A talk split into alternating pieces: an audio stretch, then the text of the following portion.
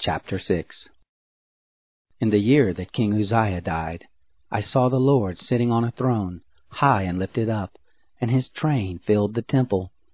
Above him stood the seraphim. Each one had six wings. With two he covered his face, with two he covered his feet, with two he flew.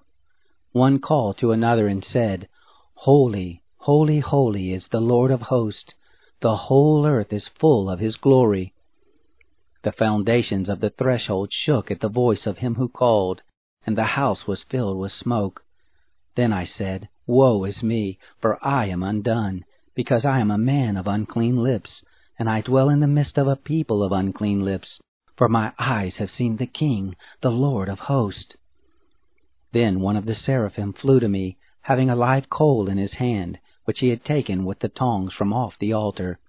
He touched my mouth with it and said, Behold, this has touched your lips, and your iniquity is taken away, and your sin is forgiven. I heard the Lord's voice saying, Whom shall I send, and who will go for us? Then I said, Here I am, send me. He said, Go and tell this people.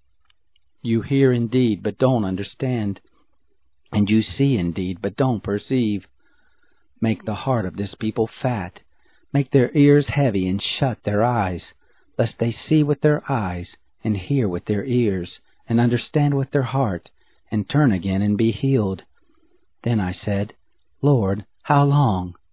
He answered, Until cities are waste without inhabitant, and houses without man, and the land becomes utterly waste, and the Lord has removed men far away, and the forsaken places are many in the midst of the land.